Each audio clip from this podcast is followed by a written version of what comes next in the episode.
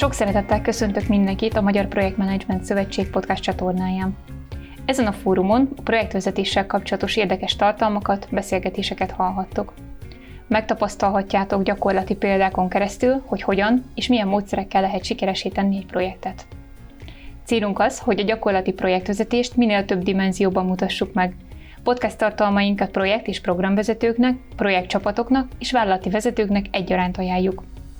Tartalmaink többsége azonban a projektmenedzsment iránt érdeklődők számára is érthető, tanulságos tartalmakat nyújt. Engem Borbényi Katának hívnak, és a Projektmenedzsment Szövetség elnökségi tagja vagyok. A mai napon az üzleti elemzők projektekben betöltött szerepét elemezzük beszélgetőtársammal, Géntreszegi Máriával. Macsi üzleti elemzés tanácsadó és tréner. Saját vállalkozásában dolgozik, ami az Inspirál márka néven fut. Eredetileg matematika, énekzene szakos tanár és gazdasági informatikus. Erre még visszatérünk. Elmondása szerint, bármennyire is furcsa, ezek összefüggnek és mind-mind segítik az üzleti elemzői létet.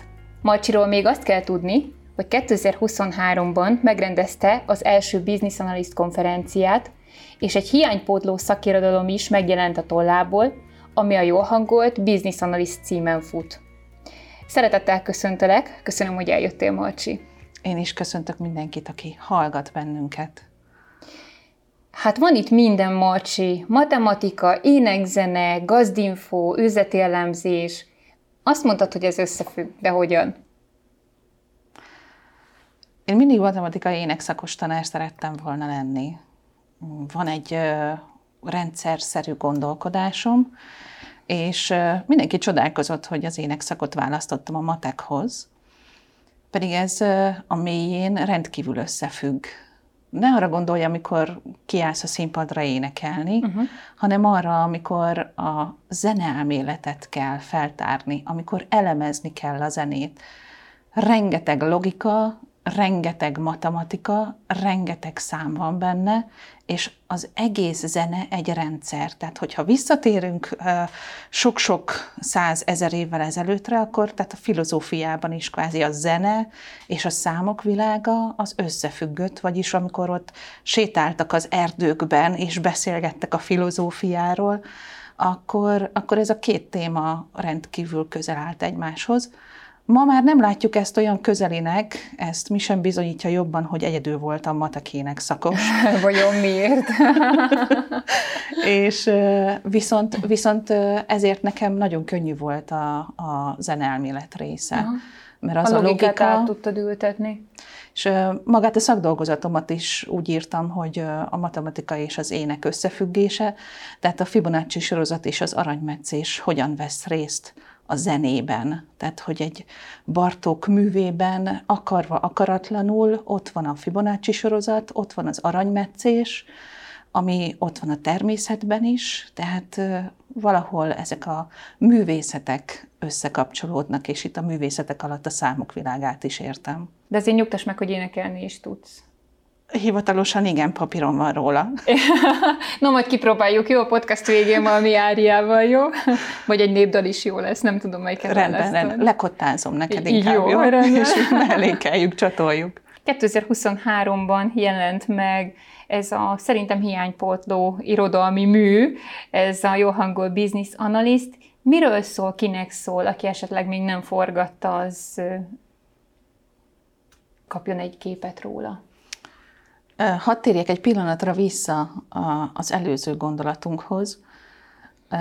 Ez a, ezt a könyvet én illusztráltam, és akik már ismernek, tudják, hogy az én kis ikonikus sárga rajzaimmal raktam tele, és próbáltam a mondani valót átvinni, leegyszerűsíteni, ami azt jelenti, hogy az agyamnak a kreatív részét is használtam, az üzleti elemzés mellett, és ez ugyanúgy, mint ahogy a matematika és az énekzene, az mind a két agyféltekét megmozgatja, ugyanígy az életem során ez végig kísért. Tehát számomra ez nem volt annyira meglepő, hogy én ebbe belevágok, hogy a rajzokkal is én foglalkozom, de ami a business analyst részét illeti, az valójában ugye ez az üzleti elemzőknek szól, hogy kapjanak egy keretrendszert arról, mit is jelent az üzleti elemzés tevékenység.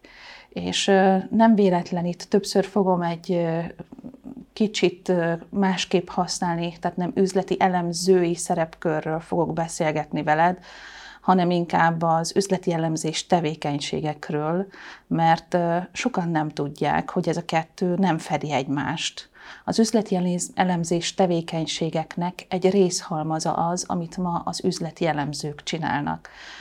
Szerettem volna ehhez adni nekik egy keretet, ami valójában tudatosítja, hogy mi is az, amit csinálnak, és a keret az mindig biztonságot jelent.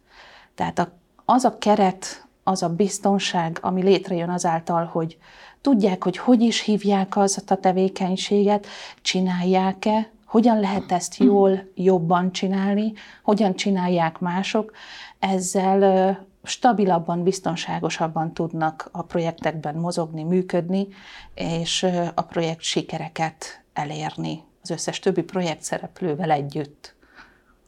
Ez a könyv nagyon sok gyakorlatról szól, példákat hoz, saját tapasztalatot hoz, és ugye minden mellett ugye a saját illusztrációidat is tartalmazza. Te ezt hogyan definiálod? Ez egy szakirodalom, ez egy workbook, ez egy elméleti olvasmány, nyilván az nem lehet most csak példaként, tehát te hogyan definiálod a könyvedet? Én úgy definiálom ezt a könyvet, hogy sok témában tudunk módszertani könyvet olvasni. Van nem, rengeteg nemzetközi szakirodalom, amit, ami, ami megfelelően magas szinten, módszertanilag fe, bemutatja nekünk az összegyűlt best practice-eket. Én szerettem volna ezt lehozni a földre, mert nagyon sokszor nem tudjuk, hogy mi az, amit ez a nemzetközi módszertan gondol a mondatai mögött. Uh-huh, uh-huh. Hogyan is lehet ezt a való életben kivitelezni? És valójában ezzel a könyvvel ezt a hidat akartam ö, létrehozni, ezt akartam áthidalni, hogy, ö, hogy az emberek, akik olvassák, azok megkapják azt a nemzetközi módszertant, kvázi, mint keretrendszer, hiszen én magam a PMI-nak a, a, a PBA, a Professional Business Analyst keretrendszerét használom, és azt hoztam le a földre, töltöttem ki gyakorlatokkal, olyan megközelítésekkel, amivel a hétköznapi életben kapcsolódhat, és ami alapján fel is ismeri, hogy ő ezt csinálja. Tehát nem lesz olyan távol tőle, ezért már megvalósíthatóvá, beépíthetővé válik a saját munkájába, a hétköznapjaiba. Illetve volt ennek egy olyan célja, illetve van ennek egy olyan célja, hogy szerettem volna azt megmutatni, hogy változásról kell beszélni, nem pedig projektről. És a változás az benne van a mi életünkbe, a magánéletünkbe, a munkánkba, az IT projektekbe. Távolabbról kezdem, és távolabbról szeretném megmutatni az olvasónak, hogy rá tudjon nézni egészében, nem pedig mindig ott bit szinten benne van a, a mélyében, kutat a bányában, és azt sem tudja, hogy kvázi mi van körülötte. Uh-huh. Kicsit eltávolodtál, és messzebbről indítod igen ezt a könyvet. Viszont ezzel szemben konkrétan belemegyek a mélyébe is. Olvasva ezt az irodalmat, egyébként én azt gondolom, hogy nem csak üzleti elemzőknek ajánljuk. Nekem ez a személyes véleményem, tehát én projektvezetőként is bőven-bőven találtam magamnak feladatot benne, ötletet benne, nagyon jó példákat, tanulságokat. Tehát én azt gondolom, hogy, és lehet, hogy a tevékenységhez kapcsolódik, hogy ki milyen tevékenységet csinál. Én nagyon sokszor magamra ismertem, ehhez akkor feltételezem azt jelenti, hogy BA tevékenységeket szoktam néha csinálni és szerintem segít megismerni a másik oldalt, vagy azt a másik tevékenységi listát, amivel egy BA-t felruházunk. És szerintem a, a közös munkában, ami egy PM és egy BA között ott van, ott kell lennie, abban viszont szerintem mindenkinek nagyon sokat segít ez a könyv. Tehát most, hogyha nem hallgatnának bennünket, hanem látnának, akkor látták volna, hogy bőszen bólogatok. Igen, pedig még ezt... meg se beszéltük, hogy ezt mondom. hogy bőszen bólogatok, hiszen pont ez a lényege annak, hogy business analyst tevékenységekről beszéljünk, ne pedig business analyst szerepkörről, hiszen sok esetben más-más szerepkörök végzik el a business analyst tevékenységeknek egy-egy részét. És azért ismerhettél magadra, hiszen a, a projektvezetők hogyha mint szerepkör, van bizony, hogy business analyst tevékenységeket végeznek, csak nem tudják magukról. És ez is az egyik célom, hogy felismerjék azok a szereplők saját magukban ezeket a tevékenységeket, illetve a másik célom, hogy ezek a szerepkörök tudják, hogy hogyan és miért kell kapcsolódniuk. Tehát az az együttműködés, aminek létre kell jönnie egy projekt során a projekt szereplők között, annak az egyik éve ugye a product jelleg tud lenni, a másik meg a projekt jelleg, vagy réteg, és az üzleti elemzés tevékenységek azok a product változásait viszik végig, mutatják be, helyezik keretbe, és ennek adott szervezetben csinálhatja különböző szereplő különböző részhalmazait.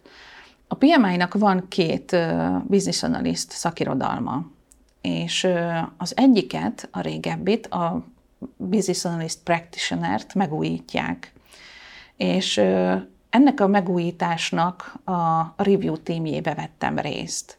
És akkor, amikor interjúztattak bennünket, hogy kikerüljön be ebbe a csapatba, akkor kérdezték, hogy van-e nekem kérdésem.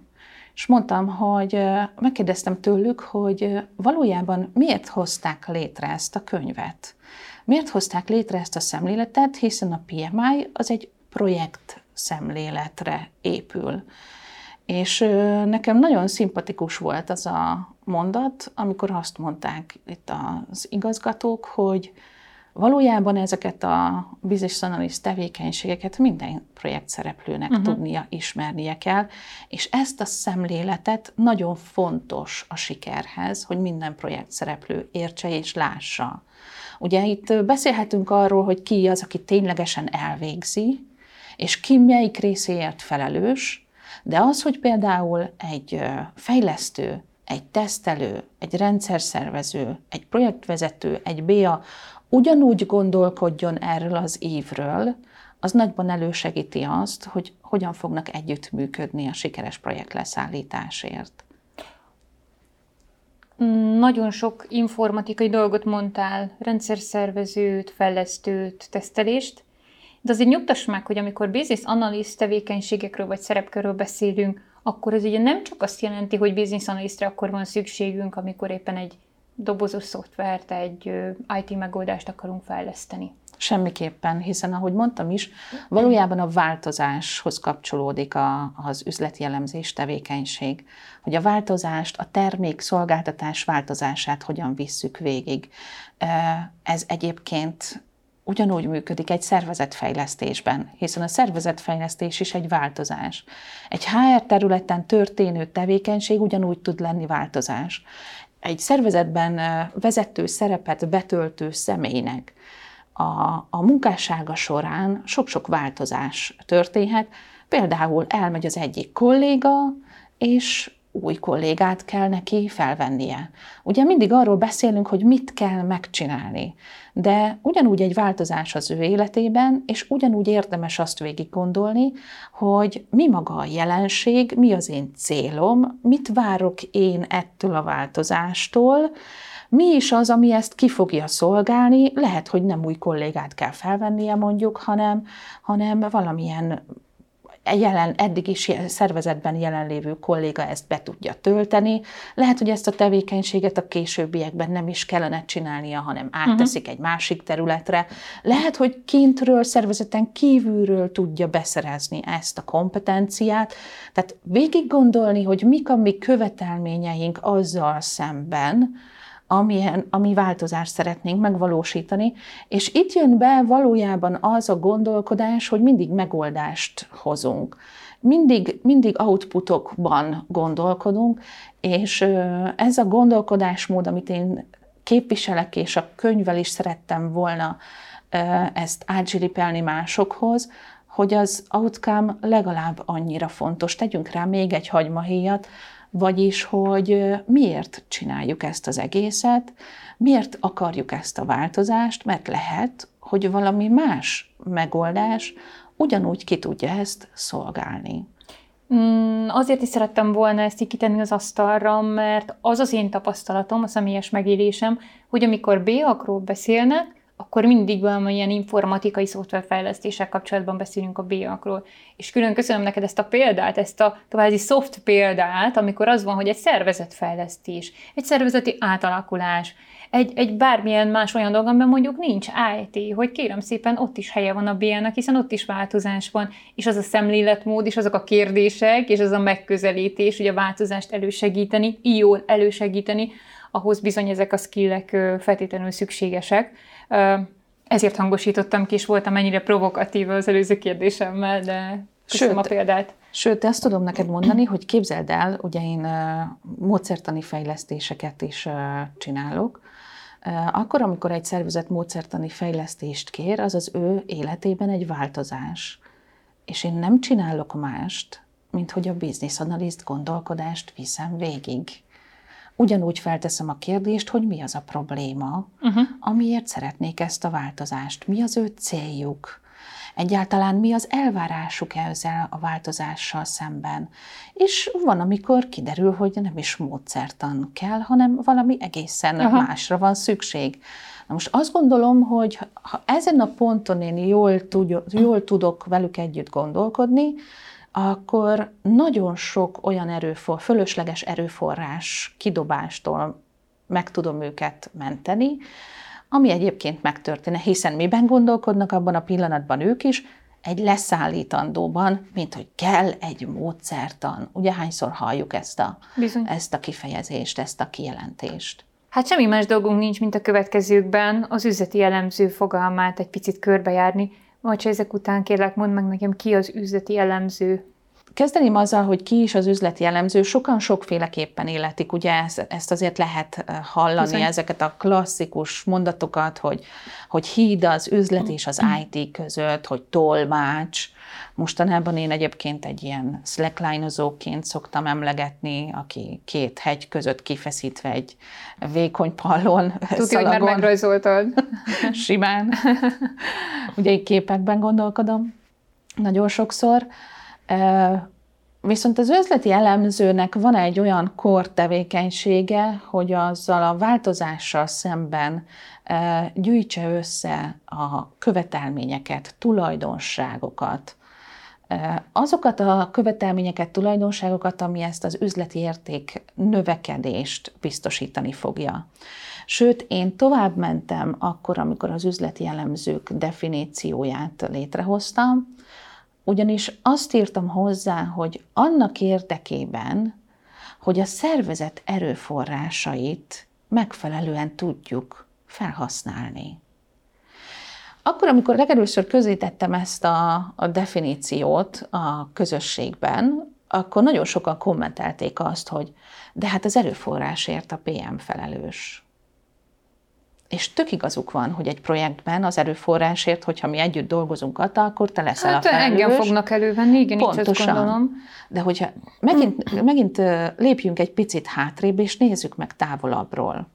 Hogyha BA nem jól működik egy projektben, akkor az azt jelenti, hogy ez a projekt nem sikeres, vagy tovább fog tartani időben, vagy több lesz erőforrásban, vagy akár kevesebb funkcionalitásban, ami kérdem én nem azt jelenti, hogy a szervezet erőforrásait nem jól használtuk fel? Hát visszahat, persze. Tehát valójában az, hogyha egy jó béánk van, jól gondolkodunk béaként, akkor scope tekintetében, tulajdonságok, követelmények tekintetében, ha jól definiálunk, akkor mi nagyon sok erőforrást tudunk megspórolni ezzel. Amire És szükségünk van. Azt gondolom, akár szervezeti, akár egyéni szintekről beszélünk. Pontosan, és azért azt ne felejtsük el, hogy nem egy projektről beszélünk, hogyha szervezeti szinten Bizony. beszélünk, hanem portfólióról beszélünk, és ott minden mindenre hatással van. Tehát abban a pillanatban dől össze a kártyavárunk, amit, vagy dőlne össze, hogyha nem lennének olyan szakemberek, akik mindig ott tartják és kiegyenesítik, hogy mégis a portfólió az jól tudjon működőképes legyen egy szervezetben. Tehát nagyon komoly hozzáadott értéke van egy jó üzleti elemzőnek, hogy a projekt jól fusson le. Viszont én nem szeretnék ilyen magányos harcosként tetszelegni egy projektben, attól függetlenül, hogy, hogy természetesen én ezt a, ezt a gondolkodásmódot képviselem, de hogy az együttműködés nagyon fontos, mert én önmagamban nem tudok semmit csinálni. Uh-huh. Tehát együttműködés veled, a másik szereplővel, a harmadik szereplővel. Tehát együtt hozzuk létre, csak tudni kell, hogy kinek, kinek mi a felelősségi köre, mi a feladata, mi a fókusza, és ez a nem mindegy, ezt szokták úgy nagyjából összekeverni. Igen, ez lesz a következő, hogy egy picit boncolgassuk itt a PMBA közötti mm, feladat megosztást, akkor és nagyon izgalmas, hogy mondod, hogy mondtad, hogy nem tudsz egyedül csinálni semmit, vagy valami ilyesmi kommented volt, és képzeld, hogy mindig azt mondom, hogy a projektekben, hogyha én egyedül lennék, akkor én ugye nem mennék semmire, hiszen egy projektvezető erőforrás nélkül most mire megy? Hát ott nem tudom, áldogálnék is, nézném az üres Word dokumentumaimat, vagy nem tudom. De lenne egy Franco diagram. Igen, az biztos, hogy lenne. Amit naponta át. Saját magam kedvére eltologathatnék, igen. De hogy, hogy én is azt szoktam mondani, hogy ugye egyedül azért nem sok értelme van ugye projektezni, de hogy akkor biaként is hasonló a, a filozófia, hogy ugye egyedül mit sem érünk, de hát akkor kapcsolódjunk össze, ugye? Hát van itt egy BA-nk, van egy PM-ünk, hát akkor boncolgassuk azt a szállat, hogy mi a te feladatod, mi az én feladatom, és mi hogyan fogunk együttműködni. Hát először is üljünk le kávézni. Jó, jó? most teánk van, és vízünk van, úgyhogy ha ez megfelel, akkor már bele is csaphatunk a lecsóba, és a szerepjátékot megkezdhetjük. Alapvetően akkor, amikor mi együtt dolgozunk, te vagy a PM, én uh-huh. vagyok a BA, akkor nagyon fontos azt tisztáznunk, hogy én a produktért felelek, te pedig a projektért. Ez számomra azt jelenti, és ez jelenti azt is, hogy ki kell tisztáznunk, hogy neked ez ugyanazt jelenti-e, hogy számomra azt jelenti, hogy én ha a produktra fókuszálok, akkor nekem folyamatosan az élesítés utánra kell fókuszálnom. Uh-huh. Mert élesítés után kell létrejönnie ugye A-ból B-ből akarunk eljutni, B-be akarunk eljutni, B-ben kell annak az állapotnak létrejönnie, amit nekem le kell definiálnom. Tehát én folyamatosan követelményeket fogok rögzíteni, definiálni, megtervezni, és lehet, hogy öt év múlva lesz az élesítés, de az én fókuszom folyamatosan ott van, hogy mi a vágyott állapotunk. És a te fókuszod... Az meg itt van a jelenben. Meg itt van a jelenben. Vagyis, hogy az alatt az öt év alatt hogyan fogjuk ezt leszállítani. Uh-huh. Vagyis én követelményeket menedzselek, te pedig feladatokat menedzselsz. Azokat a feladatokat, amely nem csak a hozzám kapcsolódik, tehát hogy én szállítsam le a követelmény specifikációt, hanem neked ott van még a kis holdudvarodba az az összes többi szereplő, aki kell ahhoz, hogy a go el tudjunk jutni, tehát ott lesz majd a rendszerszerveződ, a fejlesztőd, a tesztelőd, a release managered, a, akit te összegyűjtöttél, és valójában te hozod létre ennek a projektnek a szövetét. Tehát én azt gondolom, hogy a projekt az mindig egy vállalkozás a vállalat életében. Egy új kis vállalkozást hozunk létre egy bizonyos céllal, és ezt a vállalkozást meg kell alapítani. És ezt te fogod összerakni, hogy kik kellenek ebbe, hogyan fogunk mi együtt dolgozni, többi, Ezt neked le kell menedzselni, hogy ezek tisztázva legyenek, miket kell leszállítanunk, de a produkthoz kapcsolódó elemeket viszont én fogom szállítani. Talán ismerős neked az a, azok az elemek, amikor azt mondjuk, hogy hát akkor nézzük meg, hogy mi is a probléma. Vagy nézzük meg, hogy mi az üzleti cél. Ugye uh-huh. az mhm. üzleti cél az soha nem lehet az, hogy bevezessünk egy IT rendszert. Nagyon jó, hogy megint ezt mondod, mert nagyon sokszor sajnos ezzel a cél azonosul a szervezet, Így és van. nem az üzlettel, ami mögötte van, vagy a core business és ezért csinálunk mindenből IT projektet, Pontosan. de ma már ezen pufogtam egyet, úgyhogy befejezem. Olyannyira, hogyha megnézed, én csináltam is ilyen felmérést, hogy, vagyis hát a közösségbe bedobtam, hogy ki hogy áll ezzel, hogy, hogy hol, miről nevezik el a projekteket. Hogy arról Gondolom, a szól, hogy milyen gondolom. rendszer, vagy arról szól, hogy milyen üzleti változás. Ó. És ugye már rögtön a szemléletet Igen. mutatja a kulturális különbséget, hogy mindig IT megközelítésű-e, már pedig, hogyha belegondolsz, akkor szerintem, hogyha nézzünk bármilyen szervezetet, legyen az egy pénzintézet ma a piacon, biztos, hogy nem azért jött létre, hogy szoftvereket fejleszten. Bevezessük az XY alaprendszert. Ugye? mondjuk, igen, Tehát, hogy ezt úgy célként nem hiszem, hogy a stratégiába ki van tűzve, ami nem kisebbíti az, az IT területnek a, a jelentőségét, csak ne felejtsük el előtte azt megbeszélni, hogy üzletileg mit akarunk elérni. Tehát mi az üzleti cél egy projekttel?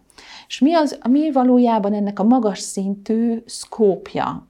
És ezek már mind valójában a produkthoz kapcsolódó elemek, vagyis ezek üzleti, tevékeny, üzleti elemzés tevékenységek hogy mi a szervezetben a probléma, hogy mi az üzleti cél, hogy mi a magas szintű termékszkóp, hogy milyen magas szintű követelményeink vannak, milyen alternatívákat tudnánk ajánlani. Ezek mind a produkthoz tartozó elemek, ami üzleti elemzés tevékenység. És lehet, hogy most itt nézel rám, és mikor az első közös projektünk van, akkor azt mondod, hogy de Marcsi, ezt én szoktam csinálni. És itt van az a pont, hogy PM-ként, projektvezetőként nagyon sokan végeznek üzleti elemzés tevékenységet, amivel nincsen semmi probléma, Ha tudjuk. ha tudod. Meg ha te És is tudod. Meg én is tudom, és tudjuk, hogy hol kapcsolódjunk egymáshoz. Ugyanis nagyon sokszor ma a projekt, projektekbe akkor dobják be a business analyst, mikor a részletes tervezés történik. Ezt akartam is kérdezni, hogy mi mikor ülünk le legelőször kávézni? Akkor jó, hogyha leülünk legelőször kávézni, mikor legelőször megkapod a felkérést. Uh-huh. Tehát te vagy az első ember, akit felhívok? Hivatalosan egyébként a, a business analyst hamarabb benne van a változásban, mint a Hiszen projekt a demand már ugye kinek a feladata a tiéd? Business analyst tevékenység. Aha. Tehát, hogy Igen, az, igen, a, még az kell. a rész, így van. Tehát, hogy az a rész, hogy egyáltalán ezt kidolgozzuk, hogy ez az ötlet elég jó-e, hogy projektet indítsunk rá, azok már business analyst Mhm. tevékenységek, uh-huh. és utána dőlne el hivatalosan, hogy, Hogy projektet projekt. indítunk. Uh-huh. Ez nem igazán így szokott történni minden esetben, tehát lehet, hogy már az első pillanattól kezdve egy projektvezetőt dedikálnak ehhez a változáshoz, amivel szintén nincsen semmi probléma, hogyha ezek a tevékenységek megtörténnek, nagyon javasolt ilyenkor a business analyst már az első pillanatban vinni magaddal. Összeülni, hogyan fogtok együtt, hogyan fogunk, nem fogtok, mert hogyan fogunk, Hát mi fogjuk vagyunk, csinálni. hát mi fogjuk csinálni, érted? Marcsi. Eh, mi hogyan fogunk együtt dolgozni, neked mire van szükséged eh, tőlem, és nekem mire van szükségem tőled, hogy mi jól le tudjuk ezt szállítani. És természetesen az üzletre, eh, ahol, ahova tudunk menni kérdezni. Hogyha nekünk most van egy olyan helyzetünk, hogy megvolt a demand, és mondjuk felkértek engem egy projekt vezetésére, és ez az első kávénk, mondjuk egy, nem tudom, hitelezési folyamat megújításánál, akkor, akkor te mit kérnél tőlem? Miben számítasz te az én segítségemre? Hol, ho- hogyan kezdjük el elvágni ezeket a folyamatokat, tevékenységeket? Mi az első, nem tudom, top 3-4 kérésed egy projektvezető felé, ha már megszületett az, hogy igen, ez a projekt, ez zöld lámpás? Nekem nagyon fontos, hogy te, mint eh, erőforrást biztosító projektvezető, eh, ott légy velem, és segíted az én munkámat, hogy azokhoz, akikhez el kell jutnunk, uh-huh. akkor ott ezeket az erőforrásokat kvázi kikéred. Kiharcoljam, kinyissam van. az ajtót, politikai Így beszélgetések, körbeudvarlása a stakeholdereknek. Ha belegondolsz, ma a business analyst réteget nem szokták a vezetői réteghez odaengedni minden esetben. Tehát, hogy egy szponzorral nagyon ritkán beszélget uh-huh. egy business analyst. Tudod, hol beszélget a szponzorral a business analyst? Review-n? A módszertani könyvekben. Ja, a módszertani könyvekben. Ami egyébként egy nagyon fontos része, hiszen az a szponzor az, aki igazán tudja, hogy mi az, ami változást szeretne, hiszen ő az, aki... Ő generálja. Ő generálja, és aztán majd ő elszenvedi Igen, ennek ő, az eredményét. a B pont, a bevezetés, a release, a a változás megvalósítása, meg a BA utána főleg fontos lesz. És ebben a pillanatban még az A pontról fogunk vele beszélgetni. Uh-huh. Tehát nem, nem te a leszállítással kapcsolatban beszélgetsz, és azzal kapcsolatban teszed föl a kérdéseket, milyen határidő, mi, mi az, amit ö, ö, egyáltalán befolyásolja, mit keretek. Én pedig a produkttal kapcsolatban teszem föl a kérdéseket, mi az, ami kiváltotta, milyen üzleti célt szeretne elérni, mi a magas szintű termékszkópunk, mert abból tudok utána kiindulni és a részleteket vinni tovább. Az előbb beszéltünk arról, hogy a business analisztokat a részletekbe dobják be legelőször, uh-huh. és valójában itt van egy óriási szakadék a kettő között, hogy nagyon sokszor nem tudják a magas szintű elemeit az indít, a projektindításnak. Akár a stratégiára gondolsz itt? Vagy a... Nem csak a stratégiára, mert ugye az a szervezetnek a stratégiára, Igen. a projekt magas uh-huh. szintű elemeit, hiszen a magas szintű tervezésnek hívjuk akkor az, azokat az elemeket, azokat a tevékenységeket, ami az igényfelméréshez kapcsolódik, mi szerint a, a problémát feltárjuk, a célt azonosítjuk, a magas szintű termékszkópot létrehozzuk. Tehát ezt úgy képzeld el, hogy van egy magas szintű rálátásunk, hogy mettől meddig szeretnénk eljutni. Valójában ez az, ami azért is kell, hogy létrehozzuk magas szinten, hogy te meg tud becsülni, hogy ez körülbelül meddig fog ö, tartani, Ki mennyi erőforrás kell, és abba az előkészítő uh-huh. anyagba, amit majd ketten odarakunk a menedzsment elé, hogy ezt a projektet uh-huh. indítsuk-e vagy nem, ott már a te leszállítás fókuszod ugyanúgy benne kell, hogy legyen, hiszen ezek vagyis a részek... a B. vagyis a B, eh, hogy, eh, hogy hiszen a menedzsmentet ez pontosan érdekelni fogja, hogy ez mennyibe is fog nekem ez kerülni. Uh-huh. És ezeket a magas szintű információkat nem kapja meg a business analyst, amikor részleteket tervez, és nem tudja, hogy igazán mi az üzleti cél, nem tudja, hogy mi az a magas szintű termékszkóp, és kezdj el követelményeket gyűjteni. Pontosan ezzel a lendülettel elkezd követelményeket gyűjteni, csak kérdem én Kata ebben a pillanatban, szerinted honnan tudja a business analyst, hogy az adott követelmény az beletartozzon-e a szkópunkba, vagy nem? Tehát amit az üzlettől kap követelmény halmaz, honnan tudja, hogy ez bele kell, hogy tartozzon, vagy nem? Hát én azt gondolom, de aztán lehet, hogy hibás lesz a válaszom, hogy ugye van egy scope, nem scope definícióm, ugye a demand környékén, tehát amikor ugye zöld lámpát adnak a, a, a kick-off környékére, azért ott már ki kell rajzolódni. Hát ennek a szintje nyilván kérdéses, hogy ez, ez mennyire erős scope lehatárolás, ugye.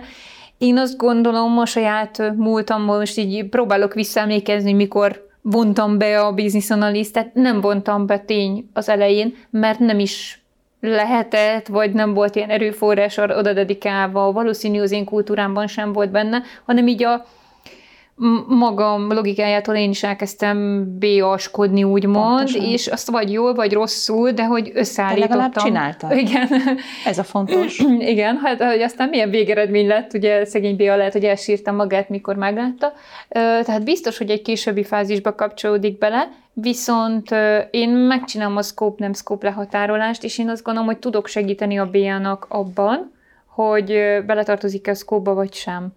De tény, hogy miután én nem BA vagyok, nem képzett BA vagyok, ezért hibázhatok az elején is, mondhatok neki nem valós dolgot, vagy lehet, hogy egy más megközelítési pályán csinálta volna meg, vagy juttatta volna el a demandig is akár a projektet. Viszont legalább volt, és innentől kezdve jó a dolog, mert az, hogy visszajelez neked, hogy figyelj, Kata, ez most szerinted, akkor benne van, mm. nincs benne, kommunikáció van uh, uh-huh. közöttünk, az egy teljesen normális projekt kommunikáció. nincs olyan projekt, ami, ami, ami ezeket a tehát hibának mondtad, de én nem mondanám hibának, uh-huh. jelenségeknek mondjuk, jó? Jó. Mert, mert hogy ez pont erről szól, hogy több kézen megy keresztül, tudjuk egymást reviewzni, és segíteni, de legalább volt, de legalább továbbadtad, de legalább tudod kapcsolódni a magas szinthez. És itt erre a kockázatra szeretném felhívni a figyelmet, hogy nagyon sokszor nem kapnak semmit. Tehát lehet, hogy azért tűnik ez most neked furcsának, mert te összekapcsoltad saját magad B a gondolkodását a business analiszttel, de nagyon sokszor nem kapnak, és ez óriási kockázat, mert a magas szintű szkóp ezért csúszik szét a részleteibe. És már nem tudjuk, hogy mettől meddig tart. És nem kap semmit, akkor mit csinál? Visszamegy a szponzorhoz? A megrendelőhöz? Hányszor láttad már, hogy vissza nagyon engedik sokszor. a szponzorhoz? Ja, a szponzorhoz? Hát nem, de az, hogy visszamegyünk a KH-hoz, az nagyon sokszor van, akár többször is lehet. Már Így ilyet van. is láttunk. Tehát ez az, amikor azt mondjuk, hogy na, akkor kezdj el követelményeket írni, és akkor a business analyst lét nem arról szól, hogy elvonulok két nap alatt egy uh, sötét sarokba, és megírom a követelmény specifikációt. Még vissza is kérdez. Hát képzeld Durva. el. És hátráltatja ezzel a projektet. Igen, nyújtja, nyújtja a projektet. Nem is értem. Tehát, hogy ezt azért eszkalálni kellene néha a projektvezető felé. Szegény bélyok. Egyébként van, van róluk egy ilyen általános vélemény. A kötekedők? A kötekedők. Uh-huh. De szerinted miért van ez? Hát mert kíváncsi típusok, olyanok, mint te. És miért van az, hogy, miért van az, hogy ez az általános vélemény róluk? Valószínű, hogy későn kerülnek be, bele a folyamatba, és meg akarja érteni azt, ami addig történt, vagy éppen nem történt meg addig. Tehát igazából jól akarja végezni a dolgát, Így van. csak nincs megfelelő információval ellátva. Egyrészt. Másrészt tudod, mi ennek az oka? Mm. Nincs a B a szerep definiálva, tisztázva uh-huh. a szervezetben. Uh-huh. Tehát az, amikor annak idején egy pénzintézetnél dolgoztam, és bevezették a szervezet a test management és release management szerepköröket. Képzeld el, hogy a több száz főt összehívták, csak több turnusba tudták bennünket összehívni egy nagy terembe, és a szervezetnek bemutatták, hogy képzeljétek el, most mi ezt a szerepkört kialakítjuk, ez lesz ezentúl a feladata, ilyen meg ilyen módon fogtok hozzá kapcsolódni, ezt tud nektek adni, ezt fog kérni tőletek. Kvázi a szervezetnek, mint egy új jövevényt így bevezették. Az ufót. Az ufót. De ezentúl mindenki tudta, hogy mi ez a szerepkör, hogyan kell nekem kapcsolódnom hozzá, ha hozzám fordul, akkor milyen célral adjak neki információt. És valahol kapott az a, ez a szerepkör egy felhatalmazást a szervezettől. És ez a felhatalmazás, ez a tisztázás, ez nagyon sok esetben nincs meg az üzleti elemzők tekintetében. Van ott valaki, aki folyamatosan kérdez, állandóan kötekedik, valamit leír, amit jól megköpködünk, eh, állandóan kihagy belőle dolgokat, stb. E, miközben én legalábbis folyamatosan azt tanítom a, a, a BA-knak, akik eljönnek hozzám, hogyha a szervezet nem is ad neked felhatalmazást, és nem tisztázza, hogy te ki vagy, akkor amikor a projektben először oda kerülsz adott üzleti szereplő elé, akkor igenis mondd el, hogy te ki vagy, mi a te szereped, mi a te feladatod, és hogyan fogtok együttműködni az üzleti szereplővel, és azt is beszéld meg vele, hogy az üzleti, üzleti szereplőnek mi a feladata és felelőssége ebben a közös munkában, ugyanis ez szokott még elmaradni. Tudod, ez a klasszikus három mondattal bedobjuk az IT felére, a, Én ilyet a, még sose láttam. A, ugye? De ne, ne, ez is csak a módszertani könyvekben ja, van. Igen, igen, igen. E, és akkor utána azt várjuk, hogy ez majd valamikor egy ilyen varázsütésre megjelenik, tudod, így a, a, a, a, az IT majd berakja a szoftvereinkbe azt az egy funkciógombot. Persze. És, és legyen piros. És, és ő nem akar válaszolni. Meg hát neked ezt biaként tudnod kellene. Nem, a biának nem kell tudnia. A BA-nak a szakmai részét azt az üzlet adja. Az üzletből kell kifacilitálnunk, hogy mi az a követelmény, ami ehhez a változáshoz kapcsolódik. Nekem az a feladatom, hogy összegyűjtsem mindet, jól gyűjtsem össze, jól írjam le, jól zsilipeljem át a következő szereplőnek, megtartsam a szkópot, és az a szerepem, hogy azt a célt elérjük üzletileg, amit kitűztünk, és azt a problémát megoldjuk üzletileg, amit definiáltunk. Tehát nekem ezt kell a fókuszban tartani. Azt mondtad az elejek környékén, hogy én vagyok azért a felelős projektvezetőként, hogy a textúráját létrehozzam ennek a, ennek a projektnek. És most, hogy így kutakodok az emlékeimben, az jutott eszembe, hogy én szoktam egy olyan dolgot csinálni, hogy hogyan fog a projekt ugye együtt működni. Kicsit ez a szervezetben a vállalkozás típus, hogy milyen szerepek vannak, mikor fogunk találkozni, mikor lesznek meetingek, és akkor szépen leírom az egyes szereplőknek a feladatait, kvázi mint egy munkaköri leírás tulajdonképpen, ez úgy néz ki, ezt nem is mindig szokták feltétlenül érteni, úgyhogy ez mindig egy ilyen kávézós, beszélgetős, közös disz, diszkurzus, hogy hát akkor a streamvezetőnek az a dolga, hogy az üzleti szereplőnek az a dolga, hogy te még mit tennél bele, és hogy egy ilyen kicsit úgy érezzem mindig ilyenkor, hogy egy ilyen szövetség és egy ilyen szerződés, akár a PAO-nak a részévé is szoktam tenni, attól függ, hogy ezek úgy mikor készülnek el időben, de hogy ezeket nagyon jó átbeszélni, de nem elég átbeszélni, hanem nagyon sokszor emlékeztetni kell az embereket, te most akkor melyik sapkádban vagy, hiszen lehet, hogy egy BA egyik projektben mondjuk ilyen tevékenységeket csinál, egy másikban meg amolyan tevékenységeket csinál. Most csak mondtam egy példát. Pontosan így van. De hogy akkor én most egy kicsit vizsgáztatom saját magam is, és hangosan kimondom a gondolataimat, hogy akkor ez egy jó irány lehet, hogy pontosan leírjuk az adott programba, a projektbe az egyes szereplőknek a funkcióját Ez nem jó irány, ez zseniális. Ó, oh, hát köszönöm, hát itt ért véget a podcastunk, egyszerűen szuper. Szóval mikor csináljuk a projektet ja, együtt? most, mindjárt. Alapvetően gondold el, hogy mindannyian, és ezt te is a saját bőrödön érzed, érezted nagyon sokszor, megérzed nagyon sokszor, hogy mindannyian a két szép szemünkkel tudunk dolgozni, a, a kisugárzásunkkal, a csillogó szemünkkel, de alapvetően ugye a kezünkben nincs semmiféle hierarchikus vezetői eszköz. És ez így van jól. Uh-huh. Ami azt jelenti, hogy nekünk ezt a csapatot, ezt össze kell rakni hogy a csapatban kinek mi a szerepe, és kapjon hozzá felhatalmazást, azt meg szintén ki kell rakni, és meg kell beszélni, mert milyen, amennyire szereti azt mondjuk egy üzleti szereplő, hogy valahol a folyosón meghallottam az ő nevét, és akkor aznap délutánra már egy három órás meetingre be is húzom, egy workshopra, hogy figyelj, ez most rajtad áll vagy bukik. Azt se tudja, mi a projekt, azt se tudja, miért van ott, azt se tudja neki, mit kell adnia.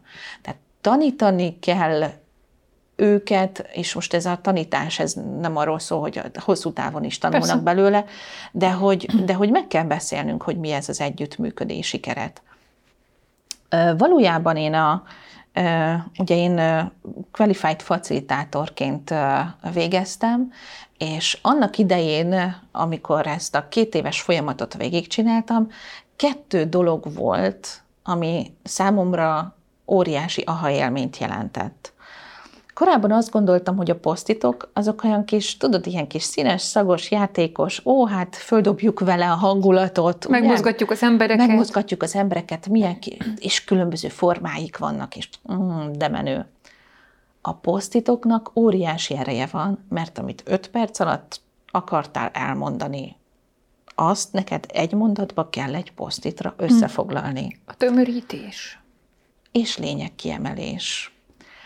A másik, amit számomra óriási aha élményt jelentett, hogy tudod, minden tréning, workshop elején, amit külsős tart, ott van a keretek, a kereteink, az együttműködési kereteink, és én azt mindig úgy éreztem, hogy tudod, az olyan kis, na, persze, megbeszéljük, hogy légy nyitott a feladatokra. Úgyse érdekel senki.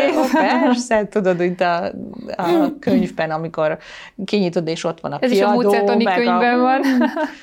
És, valójában óriási ereje van annak, hogy az együttműködésnek a kereteit kirakod. Tudunk Igen, így együtt az... dolgozni? Ugye föl kell tenni a kérdést. Oké okay lesz ez így? Tudunk így együtt dolgozni?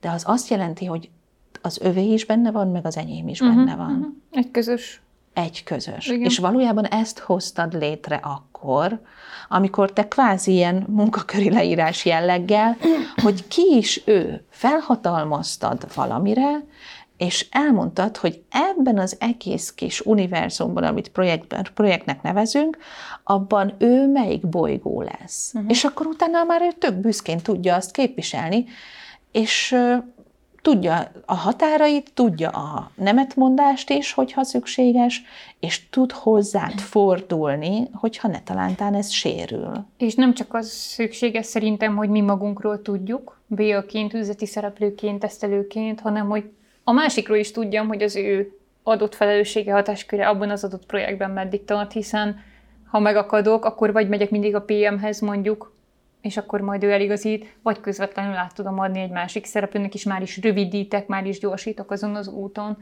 És látod, itt van a szereped mm. projektvezetőként, hogy tudják a, a projektben, hogy a BA-nak mi a mm. szerepe mm. és jelentősége, és igen. nem az, hogy kiteszi a lábát már hogy megakasztja a igen, folyamatot igen, a igen, igen, sok igen. hülye kérdésével. így van, így van. Az agilitás ugye itt tombol már jó néhány éve a világunkban, a projektmenedzserek világában és a BIAK világában is, hogy hogy megálmodtuk ezt a közös projektünket is, mondjuk szeretnénk mindezt agilisan működtetni. Hát ott mit fogunk csinálni, Marcsi? Ebben tudnál nekem egy kicsit segíteni? Hát akkor mindenképp agilis B-ját kell szerezned, mert én azt nem fogom tudni. De hogy is. Érdekes jelenség ez, nagyon sokan fölteszik ezt a kérdést, és, és számomra az agilitás az, az valójában nem szól másról, mint munkaszervezésről. Egy agilis projektben kell tudnod, hogy ennek a változásnak mi a célja, Persze. mi a problémája, hát egyáltalán, hogy a ne? mi a fókusza, ugyanúgy definiálni kell, mm. ugyanúgy ezt a keretet végig kell venni. A különbség annyi, hogy végig kell gondolni, hogy mire van szükség egy agilis projektben, és mi az, amire nincsen szükség, mert mondjuk a folyamat során fog ez létrejönni. Tehát, hogyha tiszta agilitásról beszélünk, akkor tudod, hol van a scope. Tehát, hogy és akkor másképp tehát akár rugalmasabban határozzuk meg, akár magasabb szinten határozzuk meg. De én még egyszer sem nagyon értek egyet, ugyanis az, az én általam látott a, és környezetemben lévő agilis projektekben ugyanúgy tudják magas szinten, hogy mi az, amit szeretnének elérni a változás tekintetében, honnan, hova akarnak eljutni. Az, hogy ezt milyen iterációkkal fogják megtenni, az már munkaszervezés kérdése. Na most egy BA az agilis projektben az azt jelenti, hogy ő vagy egy csapattag, vagy pedig a business analyst tevékenységeket a product owner végzi. Uh-huh. Szintén pontosan olyan megbeszélés eredménye, hogy kinek meddig tart a takarója, mint amit mi leültünk az előbb, és megbeszéltük, hogy hogyan fogunk együtt dolgozni, kinek mi lesz a feladata. Tehát, hogy ne, ne lépjünk egymást tyúk szemére, tudjuk, hogy kinek mi a felelőssége, e, feladata. Valójában a product owner annyiban különbözik a business analyst-tól, hogy a product owner az egyetlen, vagy hát egy dedikált termék tekintetében gondolkodik, jövőt lát, döntéseket hoz, indít, lezár, módosít, tehát maga ez a, a, az, hogy változtatni kell egy terméken, az ugyanúgy a product ownernek a gondolkodásának részének kell lennie. Éppen ezért egyébként egy product owner gondolkodása és egy business analyst gondolkodása kb. 80%-ban fedi egymást. A business analyst viszont nem dönt egy termék életével kapcsolatban, hanem döntést előkészít. Tehát hivatalosan a business analyst az egy product hopper. Mert én lehet, hogy az egyik projektben az egyik produkton dolgozom, a másik projektben a pro- másik produkton dolgozom, harmadik projektben a harmadik produkton dolgozom, tehát én szépen ugrálok egyikről a másikra, és alapvetően döntést előkészítek. Nem döntök a termék életciklusáról. A product owner viszont igen. A product owner Tehát viszont a B-at igen. nem ültethetem be a product owner helyébe, vagy felruházom döntéssel. Vagy felru- felruházom ezzel a felelősséggel, hogy döntenie kell, ismernie kell a piacot, a hát szervezeti az egy nagyon másik munkakör, szerintem már. Vissza, egy másik, egy másik felelősség. Másik felelősség, így van, így van. Viszont, hogyha változtatni kell a terméken, akkor hivatalosan egyébként azt, amit az üzleti elemzők csinálnak a, az agilis projektekben, hogy a követelményeket definiálják, és most mondhatjuk ezt user storyként. Van olyan, ahol a user storyt a product owner írja meg, és ugye annak a kibontását végzi el a business analyst. Van olyan agilis projekt, ahol a user storyt is a business analyst írja, tehát ezt, szépen felosztják egymás között, de nem csak a feladatokat, a felelősségeket is el kell határolni. És én nekem az a meglátásom és az a hitvallásom, hogy alapvetően eh, gondolkodásmódban nincs különbség a, az agilis business analyst és a kvázi, akkor uh-huh. nézzük a skála másik végét, vízes és uh-huh. business analyst között, mert ugyanazokat a tevékenységeket kell elvégezni, csak más-más munkaszervezéssel. Tehát olyat még valószínűleg ugye nem láttál a LinkedIn-en, hogy, hogy ki lett volna írva, hogy agilis csapattag. Kevés ilyennel találkoztam, Kevés igen. ilyennel, hiszen hivatalosan agilis csapattagok vannak. Uh-huh. Nem, ma, ma nálunk ugye, és nagyon sok helyen dedikált BA-k vannak az agilis csapatokban, ugyanúgy business analyst tevékenységeket végeznek, ugyanazok a tevékenységek megjelennek, csak más a, a, a lefutása és más a leterheltsége. Hiszen ha belegondolsz, akkor a vízesésben van egy a, a követelménymenedzsment időszakban egy nagyon, na, nagyon erős pík, aztán lecsökken és a release környékén megint. És a release környékén megint. A, egy agilis projektben a BA erőforrás standard. igény standard végig. Aztán ilyen, ilyen különbségek lehetnek, hogy gondold el, hogyha azt mondjuk, hogy egy vízesés jellegűben a PIK előtt megtervezi a BA a saját munkáját, illetve hogy fog együtt működni a, a stakeholderekkel, hogyan fogja leszállítani a követelmény specifikációt, akkor ezt a nagy tervezés részt, ezt kvázi neki nem kell megcsinálnia, hiszen sprintről sprintre annak a kis mértékűnek kell a terve, kismértékű csomagnak a tervezését kell megcsinálnia, tehát ott, ott is ennek a hangsúlya más de a tevékenység nem szűnik uh-huh. meg. Jó, tehát ne fújjuk akkor nagyra ezt a különbséget, máshogyan szerveződünk, de a tevékenység tulajdonképpen ugyanaz marad. Ilyen különbséget tudunk még mondani, hogy a, a követelmény és a user story között a különbség. A gondolkodásmódban megint én nem látok különbséget, ugyanúgy a mitet és a miért egy követelmény tekintetében is le kell írnunk. A user story-t, hogyha jól csinálják, akkor másképp vannak szeletelve. De azért ezt is a módszertani könyvekben látjuk másképp szeletelve. Ma a piacon nagyon sokszor követelmény egyenlő user story, vagy a user story alábontásaiban találjuk meg azokat a követelményeket, ami egyébként egy nagyon jó gyakorlatot hozott be, és jó rá hivatkozni az agilitásban, hiszen a téma Epic feature user story, vagy ki hogyan hierarchizálja, ugye, és bontja le a, a termékszkópot, azt nagyon fontos a vízesésben is megtenni.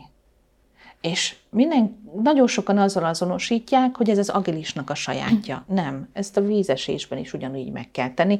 Tehát a lebontás elve az nem csak feladatok tekintetében, hanem követelmények a produkt tekintetében is ugyanúgy Csak a vízesésben egyszer csinálod kell. meg, Hát, illetve az a magas nem meg sok kicsit Sok csinálsz. kicsibe, így Igen. van. Tehát ez a, a, az agilisnál is a nagy szintet meg kell csinálni uh-huh. előre, a vízesésben is, és utána ugye az alábontást azt vagy egyszer kövspecben csináljuk meg ugye a vízesés tekintetében, vagy utána kicsinként dolgozzuk föl az iterációk során.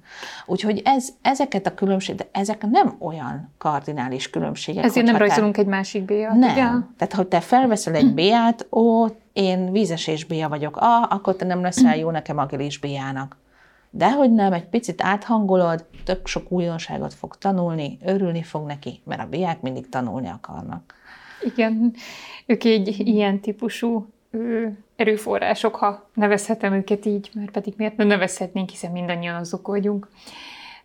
Maradjunk a szerepünkben. Jó, Macsi, te vagy a Béa, és én azt szeretném megtudni, hogy te hol ülsz, hol vagy te jó helyen a szervezetben.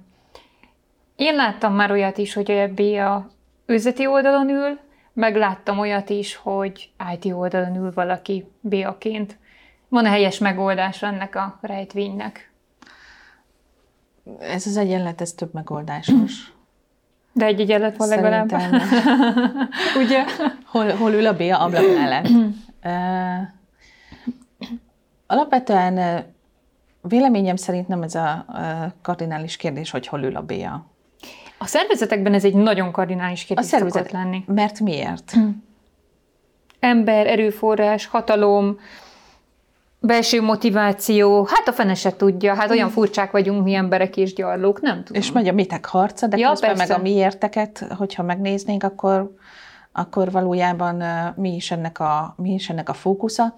Az biztos, hogy az, és egy kicsit ilyen kis csápokat raknék hozzá, hogy, ha az üzleti területen van a, a business analyst, akkor adott üzleti területen, mert ugye az a gyakorlat, hogy adott üzleti területnek van business analystja, uh-huh. akkor azt veszítjük el, hogy nem tud teljes képet látni és képviselni. Ugyanis a saját témáját mindig jobban fogja képviselni, és én még nem láttam uh-huh. olyan projektet, ami egyetlen adott területhez kapcsolódik Én kizárólag. Sem. Mert az nem is projekt. Így van. A, pontosan ez a csapdája annak is, amikor az üzleti területről vesszük át a business analisztet. Üzleti területen kinövi magát valaki, sokszor volt projektbe dedikálva, tökre tetszik neki ez a, ez a kis zsizsegés, és átkerül business analyst szerepkörbe, és azokat a kompetenciákat nem tudja hozni, ami a business analystnek kell, hiszen neki szakmai kompetenciája van, domain tudása van. Uh-huh. Gondold el, három-négy területes a projekt, mennyire fogja tudni összegyűjteni a többi területről a releváns információkat. Ugyanis ő nem gyűjt, facilitál, hanem megtanul. Tehát ő a saját szakmai tudását megtanulta, nem pedig összegyűjtötte uh-huh. adott cél érdekében. És itt lesz egy ilyen féllábas és elbicsakló követelményspecifikáció majd, amikor az egyik fejezet gyönyörűen a mélyéig ki lesz dolgozva. Attól függ, mennyire vagyok a téma ismerője. Pontosan. Tehát, hogy ez, ez a projekt szempontjából szerintem nem előnyös. A, vannak olyan szervezetek, ahol külön ugye projektiroda van, ahhoz kapcsolódnak a, a projektvezetők, BA-k, a projektirodáról is beszélhetnénk, hogy hol melyik mit jelent. Igen, de hogy, tervezek ilyen podcastot már régóta. igen, hogy ugye a szótisztázás, de hogy most ezt nevezzük így, hogy egy külön területhez tartozik, vagy az IT-hoz tartozik, valójában itt az arról van szó, ami a legfontosabb, amiről az előbb is beszéltünk, hogy legyen felhatalmazva. Ugyanis akárhol van, neki direktben nem lehet az egyik és a másik oldalt képviselnie. És ez az, amit nagyon tisztázni kell a szervezetben, és ez az, amire a BA-nak is így kell működnie, hogy nem vagyok sem az IT oldal iránt elkötelezett, sem az üzleti oldal iránt elkötelezett, hanem a hidat hozom létre a kettő között. És hogyha ezt a szervezet tudja, jól felhatalmazza, a BIA meg jól gondol, tud ebben gondolkodni és lavírozni, akkor valójában teljesen mindegy, hogy hol van hol az organigramon.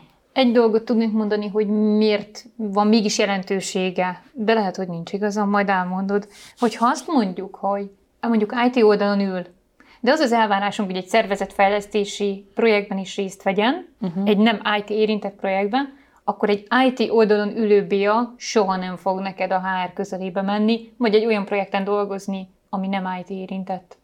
Nagyon jó, amit mondasz. Te ismersz olyan BIA-t, aki szervezetfejlesztésben felkértek? Nem. És itt van a kutyálásra. Igen, de akkor visszamegyünk ugye a gyökérokhoz, hogy alapvetően az IT érintett projektekben használjuk a BIA-kat. Így van. Ahelyett, hogy a, a, a nem IT is, igen, hogy a változások követésére vagy, vagy megvalósítására vennénk igénybe az ő gondolkodásukat. Valójában a szervezetfejlesztés bárki csinálja a te szervezetedben, biztos, hogy business analyst tevékenységet is végez. Uh-huh. Csak ő nem tudja magáról. Nem tudja. Igen. Ezért lehetne a könyvem elejére nagyon szépen egy ilyen sokfedő lapos részt csinálni, hogy a jól hangolt vezető, a jól hangolt HRS. És hogy mindenki kiválasztja a számára a megfelelő borítót, ugye? Igen. Tehát, hogy, hogy a második ahogy kezdted, nem? Ez egy mekkora geg lenne. A, ahogy te kezdted, hogy ez nem csak a business analisteknek szól ez, hanem mindenkinek, aki változást menedzsel le egy szervezetben. Nem használják őket, tehát tanácsadóként, így külsősként, ahogy én is mondtam, bemegyek egy változást, lemenedzselek, és business analyst gondolkodásom van, de ezt belül nem szokták az üzleti elemzőket erre használni, hogyha ezt a csúnya szót Igen, hozom most be. Valójában ugye az IT projektekből nagyon sok van egy szervezetben, szervezetfejlesztői projektekből biztos, hogy kis, kisebb a számossága. Nagyon sok van belőlük, nagyon hangsúlyosak, időre sikert kell szállítani, tehát hogy kvázi a kockázat miatt megjött, megnőtt a jelentőségük, és így most oda fókuszálódtak. Ja, világos, csak mindig tegyük oda a mérleg másik serpenyőjébe, talán ezért is vagyunk, hogy ezért is van a PMS, hogy ilyet kihangsúlyozzunk, hogy, hogy ne egy ilyen egylábos, egy oldalú dolog legyen, hanem a másik serpenyőbe is tegyünk Nekem misszióm, hogy ezt a mhm. serpenyőt növeljem, ezt a másik serpenyőt, Hát adtam magamnak egy tíz évet, úgyhogy tíz év múlva csináljunk Marci, egy új podcastot, hogy hogy Egy állunk. picit hamarabb nem lehet. Tudom, hogy szeretsz rajzolni, hiszen ugye a könyved is tele van saját illusztrációkkal. Ha rajzolhatnál egy béát, akkor annak milyen szkíjei, milyen ruhája, milyen haja lenne? Hogyan uh-huh. néz ki az ideális béa a te szemszögedből? Ez egy Érdekes kérdés, mert szerintem a legtöbben most azt várják tőlem, hogy azt mondjam, hogy SQL-t tud lekérdezni, és, és, és olyan modelleket ismer, hogy senki más. És Én nagyon meglepődnék ezen a válaszon, hogy, hogyha ezt mondanád. És, e, viszont, hogyha az álláshirdetéseket böngészed, akkor nagyon látod, hogy valójában nagyon sokan hard skill-eket várnak uh-huh. tőlük. Én azt gondolom, hogy egy, egy jó BA az, az, az a soft skill-ekben erős. Éppen ezért nehéz kvázi számszerűsíteni, mérni a BA munkát, felmérni, hogy valaki jó BA lesz. Én most például a, a saját szervezetemben, akit felveszek üzleti jellemzőnek, úgy mérem föl hogy ő hol tart a biaság skálán, hogy egy interjút készít velem, bármilyen témáról, lehet arról, hogy esős időjárás, a villámok működése és társai. Tehát nem szakmai téma, Nem szakmai hanem... téma, teljesen uh-huh. általa, igyekszem általa nem ismert témát behozni, Interjúra kell készülnie, interjút kell készítenie, abból egy blogot kell írnia, utána azt három szlájdban el kell készítenie, és utána azt prezentálnia kell. És hogyha ezt így végigveszem, hogy mi is az, ami ezekhez hozzá kapcsolódik, mint kompetencia, Egyrészt, hogy meg tud fogalmazni egy célt, a cél érdekében kérdéseket tud definiálni, vagyis a kérdezés technikája van, és cél érdekében szkópot tud definiálni. Hogyha a blogot megírja, akkor tud valójában elemezni, struktúrálni, egy, egy jó évet létrehozni a blognak, eljut A-ból B-be egy adott cél érdekében, és arra is kíváncsi vagyok, hogy ő maga milyen következtetéseket von le a blogban. Na most ezt, hogyha három szlájdban össze kell rakni, akkor ezt nagyon tudni kell, Tömörítés. hogy mi az üzenete, mi a lényege, ugyanis ma azt gondolom, hogy az üzleti elemzőknek egy nagyon fontos szkéja a szövegértés és a lényeg kiemelés. Én néhány héttel ezelőtt az általános iskola ötödik osztályos könyvben kezdtem el kutatni, hogy milyen feladatokkal is segítjük magát a szövegértést, hogyan tudnám én azt segíteni a BA-k számára. Nem azért, mert olyan feladatokat fogok vinni a tréningre, hanem ötletgyűjtésként, mert hogy nagyon fontos, hogy eh, ne azt írd le, amit hallasz. Tehát ne egy íródeák legyél, hanem neked ezt struktúrálnod kell, menedzselned kell, adott cél érdekében ezt össze kell tudnod rakni három szlájdra, és utána azt még elő is kell tudnod adni. Tehát, hogy hogyan képviseled azt az adott témát. Hogyan állsz ki, és mondod el, hogy ki vagy te ebben az inercia rendszerben, ebben a piciben. Uh-huh, uh-huh. És hogyha megnézed, Működik? ha megnézed, akkor ez, tehát megcsinálni megcsinálják, de az, hogy ezt milyen mértékben sikerül, ugye az a, az a, szint, az a, ugye? Az a kérdés, uh-huh. tehát erre vagyok kíváncsi. Sokkal jobban, mint hogy milyen modellt uh, tud, mert azt én meg tudom neki tanítani. Hogy milyen modellt ismerjen, hogy mi a B-aság keretrendszere, uh-huh hogy hogy kell követelményt írni. Nagyon gyorsan tanulnak a business analisztek. Mert az a hardcore része, ami tanulható, a soft skill pedig ugye vagy megvan, vagy nincs meg, és sokkal nehezebben fejleszthető esetleg. Vagy van rá affinitása, igen, hogy ezt csinálja. Tehát nagyon sok béja nincs tisztában azzal, hogy neki ezt kell csinálnia. És egyébként nem is tudja képviselni, hogy ő mennyi időt kell, hogy erre ráfordítson, hogy a megbeszéléseket megszervezze, hogy a konfliktusokat ott kezelje, mert te PM-ként annyi időt adsz csak, én gonosz, hogy igen. te gonosz, hogy én a követelményeket kilóra és uh-huh. betű karakterszámra megírjam. De hát ahhoz mennyi minden, rengeteg háttérmunka, háttérmunka kell, kell. Tehát ne engem hív, jó, hogyha két nap alatt le kell ülni és meg kell írni. Jó, tudom, mert akkor nem fér bele a prezi, meg az összes többi. jó, tehát összefoglalva akkor kommunikáció, prezentálás, tömörítés, kérdezés, technika, A-ból B-be való eljutás, következtetés, levonás, saját vélemény. Tervezés. Tervezés. Döntés. Döntés. Mert hogy ott van a döntés, hogy hogy uh-huh. hozom létre én ezt a mhm blogot vagy prezentációt. Uh-huh. Gondolom akár egy szép érzék, ennek technikái. Tehát, hogy ez mind, mind hozzátartozik. Uh-huh. Tehát, hogy uh, a könyvben is egy kis diagramon próbáltam jelölni, hogy hogy mi minden soft kapcsolódik ahhoz, hogy te a hártot meg tud csinálni. Csak gondolj bele, hogy beviszel egy modellt egy workshopra, hogy össze akarod gyűjteni az ehhez kapcsolódó információkat. A modellnek nem az a lényege, hogy te megrajzoltad bármely modellező eszközben, hanem hogy össze tudtad-e gyűjteni és strukturálni tudod-e azokat az információkat, amelyeket kaptál, vagy egyáltalán kérdést fel tudod tenni, tudod-e, hogy mi az, ami releváns ebben a témában és nem, mi az, ami a szkóphoz tartozik, nem, és hogyan kezed le azt, amikor két területnek a vezetője összerúgja a port, mert ez így van, nem, ez úgy van, nem. Hát ez az élet, és abban igen. a pillanatban tudod, hogy te nem velük fogsz vitázni, és beszállsz harmadikként, hanem mész és megnézed a folyamatot, hogy hogy is működik ez, és utána visszahozod nekik, és ki tudsz állni két vitázó vezető elé, hogy nézzétek, a folyamat így van.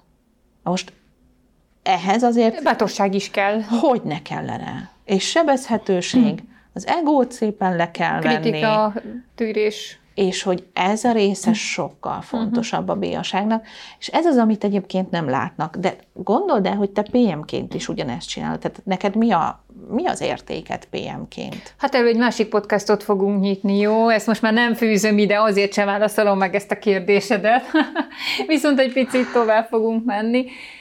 Tényleg egy záró kérdés a trendekről. Egy pár gondolatot szeretnék tőled hallani. Ismered ezt a piacot, nagy közösségnek vagy a, a mozgatója, és akkor itt a trendek megválaszolásában a mesterséget és intelligenciát semmiképpen ne hagyd kikérlek. Hogyan fog ez a bélyakra hatni?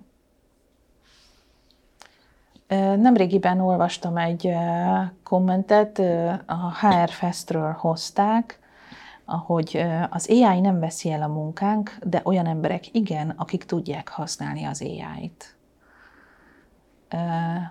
Nem gondolom, hogy kikerülhető, viszont mivel az üzleti elemzőnek kockázatokat kell látni, az üzleti elemzőnek megfelelően paranoiásnak le kell lennie, hogy végig tudjon gondolni rengeteg mindent, ami kell egy projekthez, egy sikerhez, ebben is egy kicsit paranoiásnak kell lenni, tehát oly módon kell tudnunk használni, jól használni, hogy az a szervezetnek a, az érdekeit ne sértse.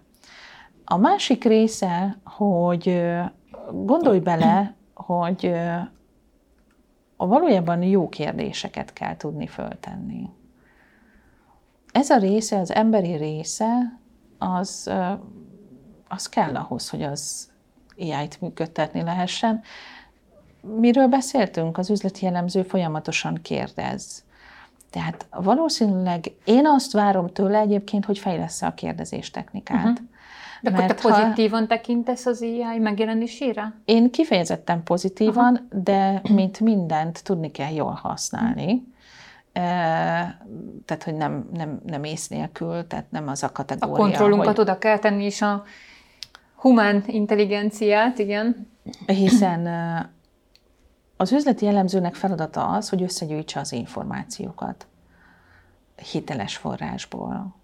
Na most, hogyha egy szervezetben van egy dokumentáció, amit az üzleti elemző elolvas, de azóta már öt különböző verziója van annak a dokumentációnak, és ő erre nem gondol, akkor szintén nem hiteles az a forrás, akkor az általa összegyűjtött információ halmaz, az megbukik.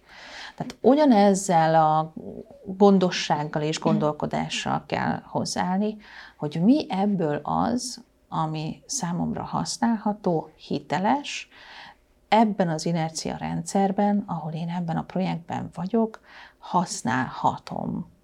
És nem gondolom, hogy kikerülhető, ugye most már tudjuk, hogy néhány nap múlva a Microsoftba is be, Bizony. beépül, mhm. és én inkább azt várom ettől a Microsoftos megjelenéstől is, hogy segít abban, hogy mi ezt jól tudjuk használni.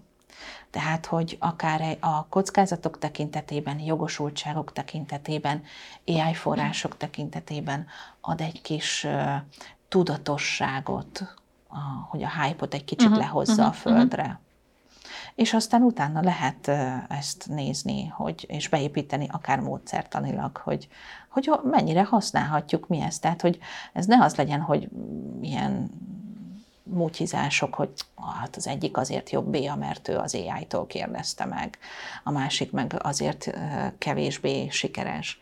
Nem, akkor ezt tegyük ki az asztalra. És legyen hogy... egy transzparens tudás. Igen, igen. Úgyhogy én azt gondolom, hogy ez, ez